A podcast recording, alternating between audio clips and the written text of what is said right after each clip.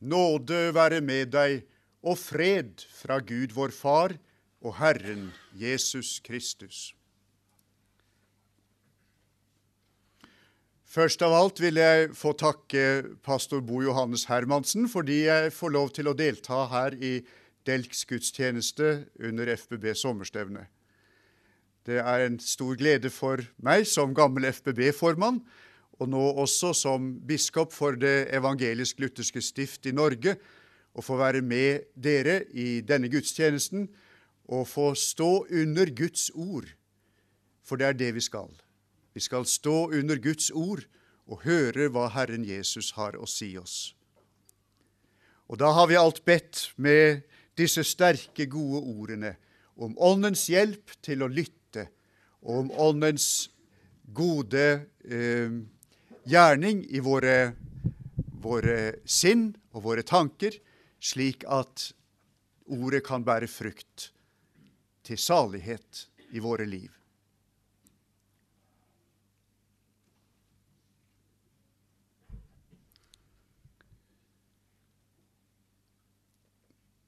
La oss så høre dagens hellige evangelium. Det står skrevet hos evangelisten Markus i kapittel 10 og fra vers 17.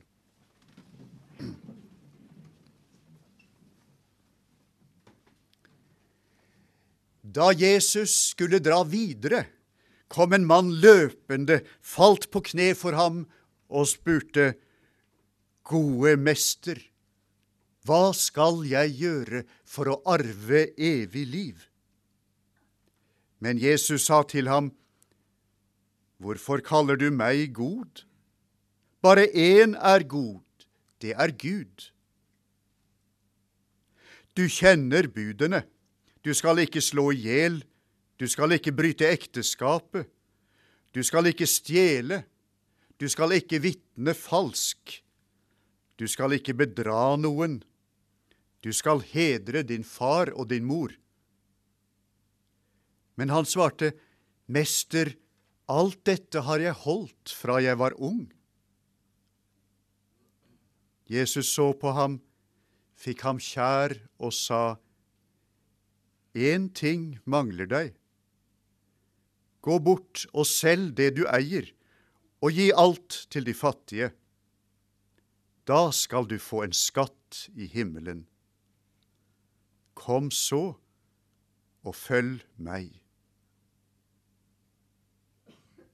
Men han ble nedslått over dette svaret og gikk bedrøvet bort, for han var svært rik. Da så Jesus seg rundt i kretsen av disiplene og sa, Hvor vanskelig det vil være for dem som eier mye, å komme inn i Guds rike. Disiplene ble forferdet over Jesu ord, men han sa igjen, Barn, hvor vanskelig det er for dem som stoler på sin rikdom, å komme inn i Guds rike. Det er lettere for en kamel å gå gjennom et nåløye enn for en rik å komme inn i Guds rike.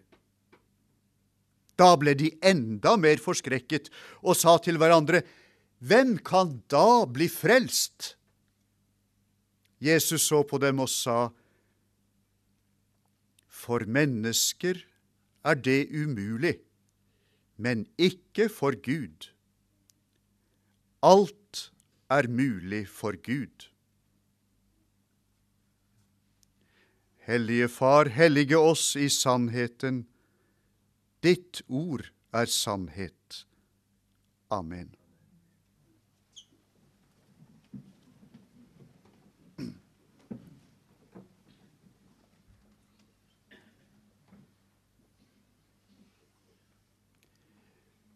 Nå løp han, for nå gjaldt det det evige liv. Det fikk være det samme om det var lite respektabelt for en mann å løpe som en guttunge. Folk fikk si hva de ville, for nå gjaldt det det evige liv. Og rabbien fra Nasaret talte om det evige liv som ingen annen. Jesus Jesus hadde nøkkelen. Nå måtte han få spurt rabbe Jesus hva som skal til før den ærede lærer forsvant ut byporten. Og han greide det. Han nådde Jesus i tide og viste den store rabbi tilbørlig respekt med å bøye seg helt til jorden foran ham. Og så bar han fram det brennende spørsmålet. Gode mester, hva skal jeg gjøre for å få det evige liv?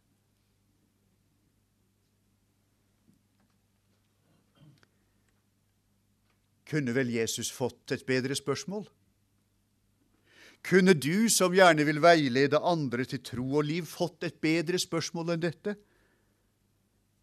Han vil gjerne være med, ville vi kanskje sagt. Han vil jo egentlig være en kristen.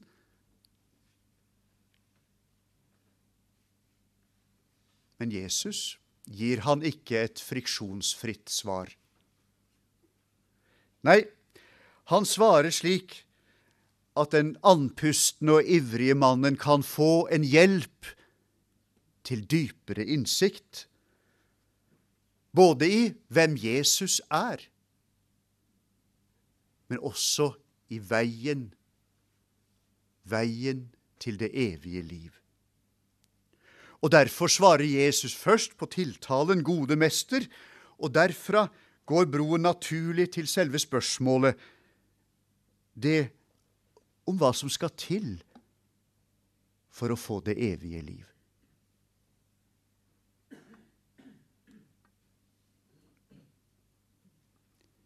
Vil du bli svart på den måten? Når du hører Guds ord, er du da klar, er du nå klar til å få dine forestillinger endret, eller kanskje til og med snudd på hodet?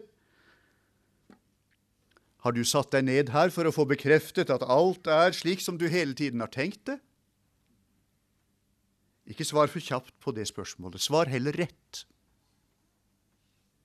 For Jesus gir deg av og til svar med betydelig friksjon.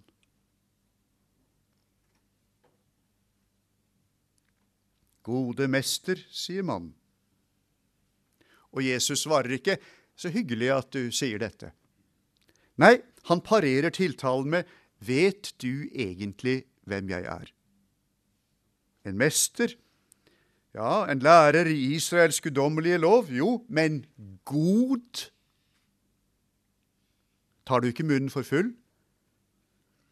For du mener vel ikke å sette meg på linje med Gud? På linje med Ham som er den eneste, helt gjennom og sant gode, høylovet i all evighet. Eller er det det du gjør? Ja, hvem mener du at Jesus er? Er Jesus en unntaksskikkelse i historien, en av de aller beste som har levd? Er han en mann fra antikken? En som en gang var ganske betydelig i Europa og Norge, men som nå har fått en mer beskjeden posisjon? Er han religionsstifteren som nå er hjelpeløst utlevert til karikaturtegneres satire og spott? Jeg er sikker på at du vil ikke være fornøyd med noen av disse Jesusbildene. Men hva vil du da kalle Jesus? Gode mester? Ja. Og da må du ta det han sier, på det dypeste alvor. Og nettopp dit, til det dypeste alvor, vil Jesus lede den ivrige mannen og oss.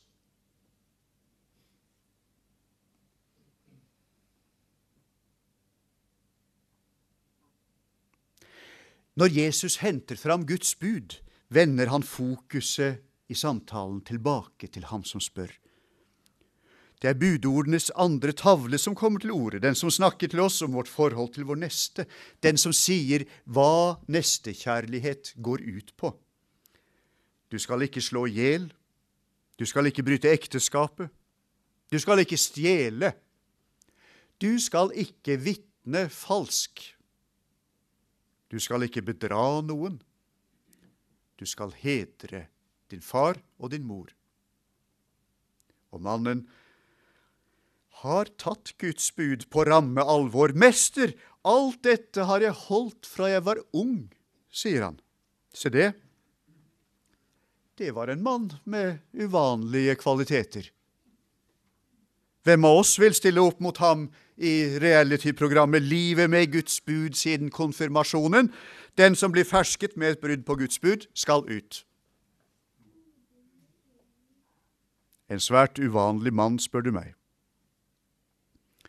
Og Jesu reaksjon er også uvanlig sterk, slik evangelisten ser den.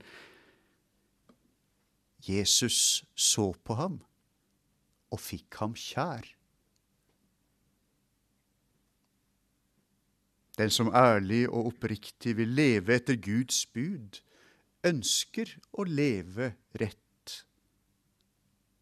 Og den andre tavlen i budordene lærer oss nettopp å leve rett med vår neste, den viser oss hva nestekjærlighet er i praksis. Ingen, ingen har noe å tape på å leve etter Guds bud. Det gjør livet bedre for alle mennesker.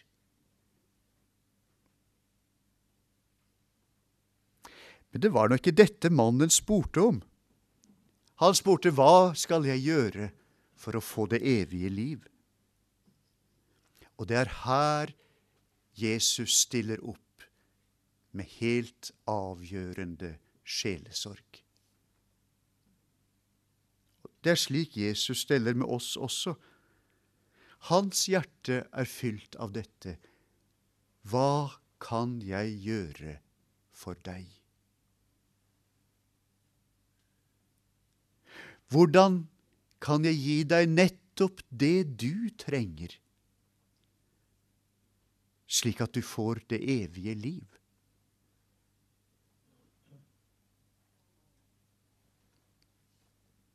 Til mannen som har holdt budene siden han var ung, sier han, én ting mangler deg. Gå bort og selg det du eier, og gi alt til de fattige da skal du få en skatt i himmelen. Kom så og følg meg.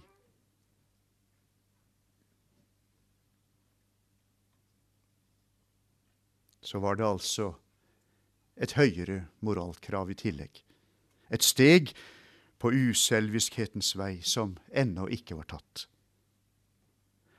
Er dette den ideelle fordring en utfordring til å selge alt, slik som min venn som gikk i kloster, og så begynne på Jesu bibelskole? Er det sånn at Jesus her spenner de åndelige krav til bristepunktet? Nei. Jesus lar den ivrige, løpende mannen møte Guds lov. Guds ord som loven. Den som alltid anklager oss.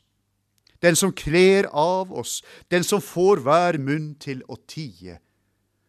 Og hele verden står skyldig for Gud.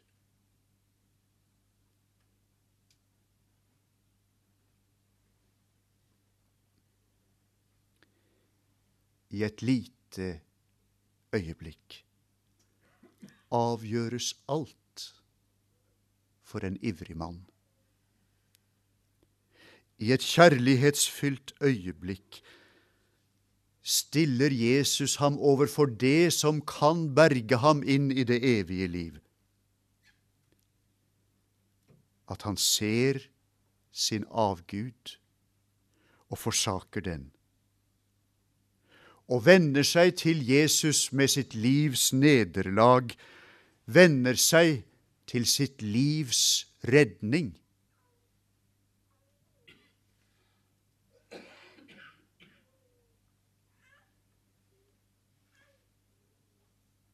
I alle fall siden Josva samlet Israels stammer i Sikhem, etter at de hadde inntatt det lovede land, har Guds folk blitt konfrontert med den umulige klemmen som det første bud avdekker. Budet som sier du skal ikke ha andre guder enn meg.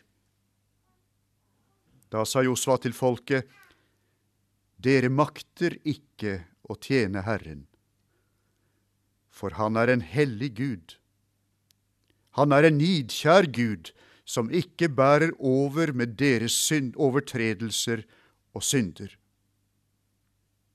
Og så fortsatte han, skill dere nå av med de fremmede guder dere har, og bøy hjertet til Herren, Israels Gud. Folket svarte, Herren vår Gud vil vi tjene, og Han vil vi lyde og Hans ord vil vi lyde. Folket er frimodige på egne vegne, har tro på sin vilje og sin helhjertethet. Men det gikk slik Josva visste at det ville gå. Om de enn ville det gode der i Sikhem, var det noe annet som ble virkelighet da de kom hjem. Om de enn ville det gode i den generasjonen, så var det noe annet som viste seg i generasjonene som fulgte. Dere makter ikke å tjene Herren, for Han er en hellig Gud. Og mannen som kom løpende til Jesus, hadde holdt nestekjærlighetens konkrete bud siden han var ung, kom noe annet til syne når bindingen hans til rikdommen ble satt på prøve.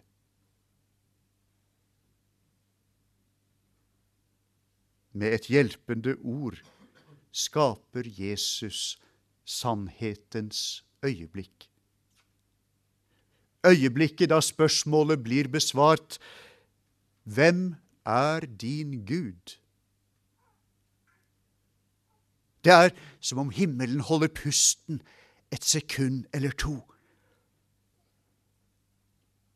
Så glir en skygge over mannens ansikt, og han går bedrøvet bort.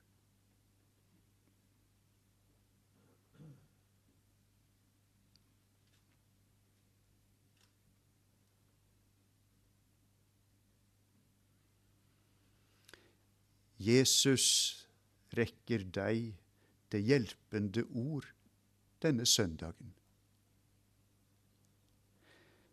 En hjelp til å ta steg på veien til det evige liv. Han skaper et sannhetens øyeblikk nå. Et øyeblikk da det meget vel kan bli klart hvem som er din Gud.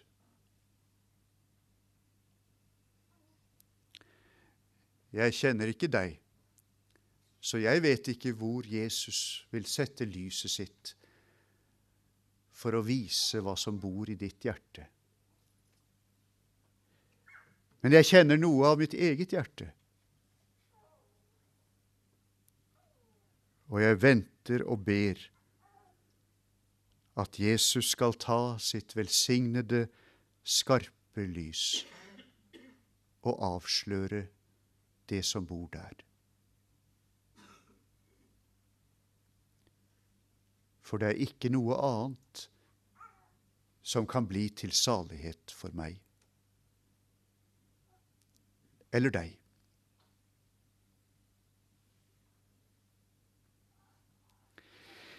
I sannhetens øyeblikk valgte vår mann i evangeliet sin avgud, rikdommen. Derfor gikk han bort. Det fins andre strategier for å beskytte det som du egentlig venter deg alt godt fra, og som ikke er Gud Herren. Du kan jo eksempel trekke fram din dogmatiske kuleramme. Den som har hele den lutherske lov og evangelium-dialektikken festet på sine strenger, som perler som du kan skyve frem og tilbake. Vi er alle syndere, det må dit. Vi må alle omvende oss, det går der. Det er nåde for syndere, den ligger der.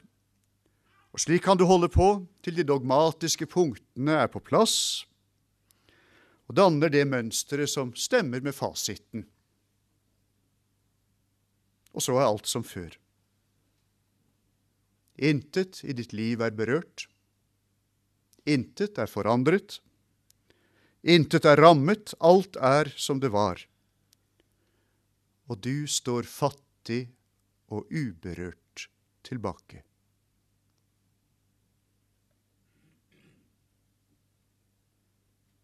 Eller du kan la Jesus stille spørsmålet skarpt til ditt hjerte. Hva er sant om deg og din Gud? Den med liten g.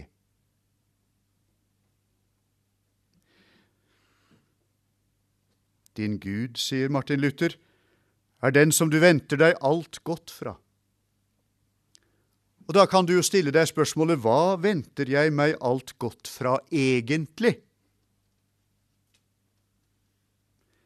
Siden Jesus konfronterer oss kjærlig med dette spørsmålet, vil jeg oppfordre deg til å gå modig og ærlig inn i det.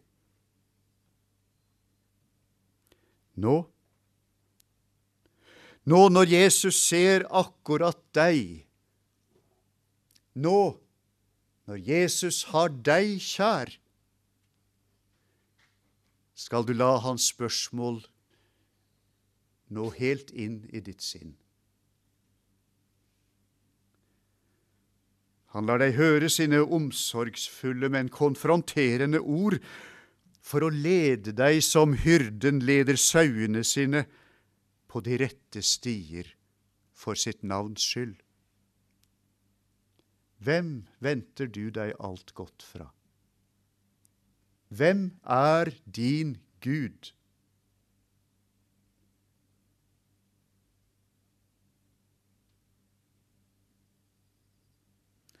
Da kan det bli klart at du er en av dem.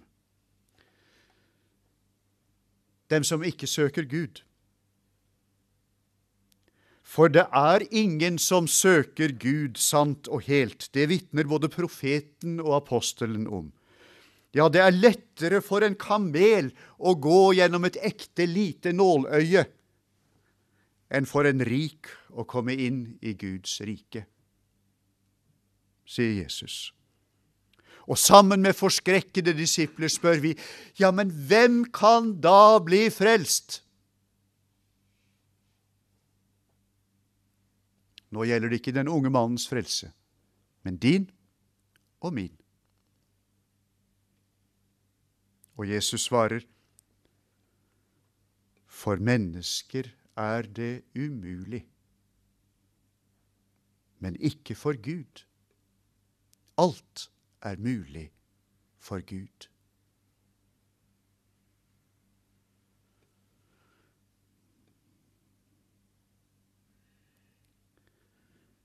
Jesus er den gode mester.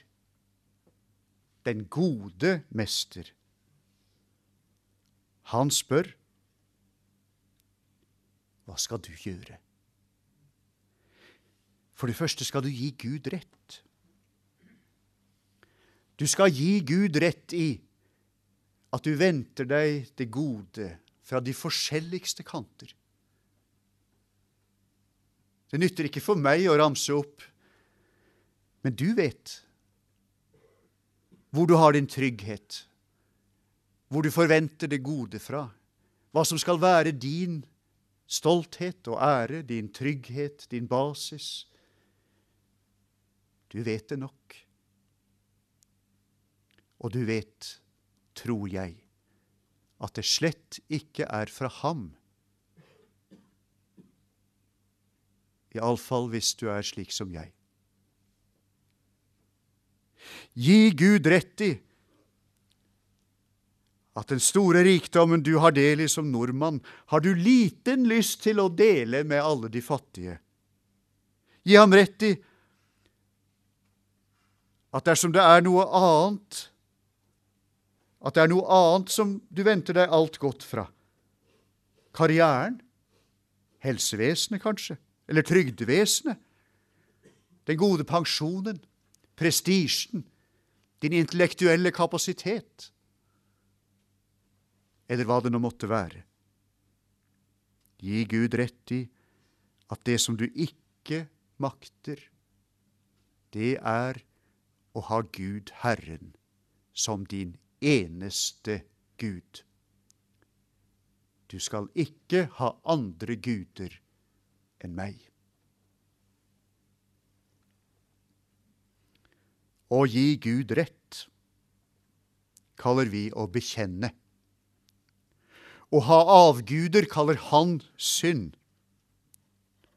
Nå gir Jesus deg sjansen til å bekjenne dine synder og vende deg fra dine avguder.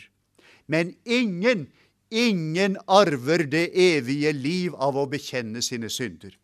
Om du skal arve det evige liv, må det noe helt annet til. Derfor, du som bekjenner, tro Jesus på Hans ord. Han som sier, 'Dine synder er tilgitt'. Det er umulig for en kamel å komme seg gjennom et nåløye. Det er umulig for en rik å komme seg inn i Guds rike. Det er umulig for et menneske å kvitte seg med sin dypeste synd. At jeg ikke vil og ikke kan ha Gud som min eneste Gud. At jeg ikke kan holde det første bud.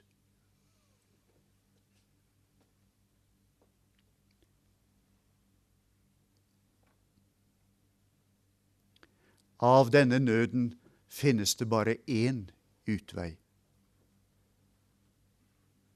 Det som var umulig for loven fordi den var maktesløs på grunn av menneskets onde natur, det gjorde Gud. For syndens skyld sendte han sin egen sønn i syndige menneskeskikkelse og holdt dom over syndemakten i vår natur. Gud tilgir deg din dypeste ursynd. Når du bekjenner at du ga noe annet enn plassen i livet ditt som bare tilhører ham. Han stryker syndene dine ut.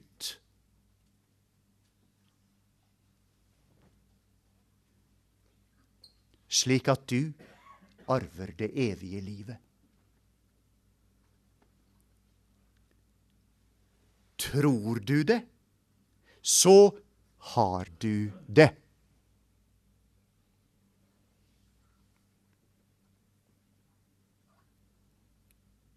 Tilgivelsen rekker han deg denne dagen, når Golgata-offeret rører ved dine lepper. Når du tar imot Jesu legeme og blod. Derfor skal du gå dit hvor Golgata-offeret deles ut til deg. Og så får du høre de velsignede ordene. Den korsfestede og oppstandende Jesus Kristus har nå gitt deg sitt hellige legeme og blod, hvormed Han har gjort fyldest for alle dine synder.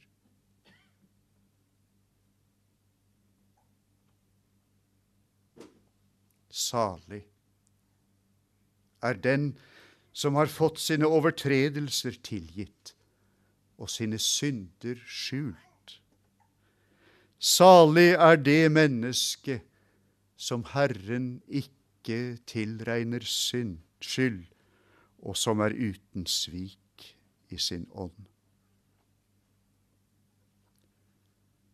Salig er du som har fått din synd tilgitt. Du er et menneske som eier det evige liv, nå og i all evighet.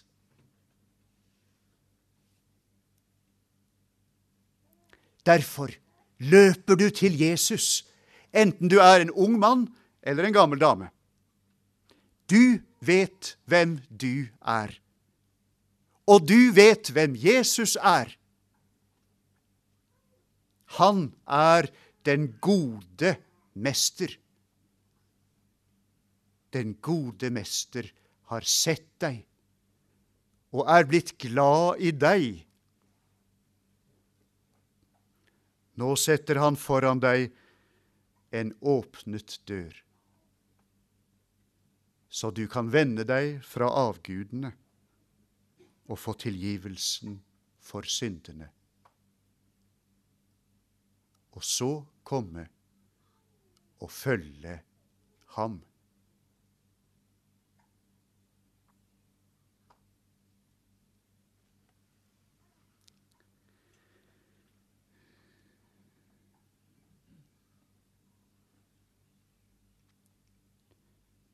Vi ber deg, Herre Jesus.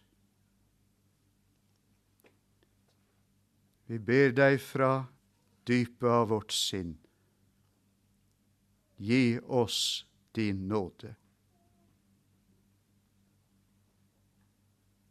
Og syndenes forlatelse.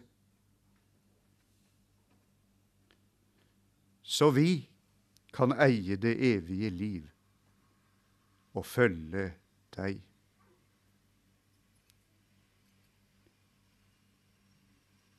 Amen.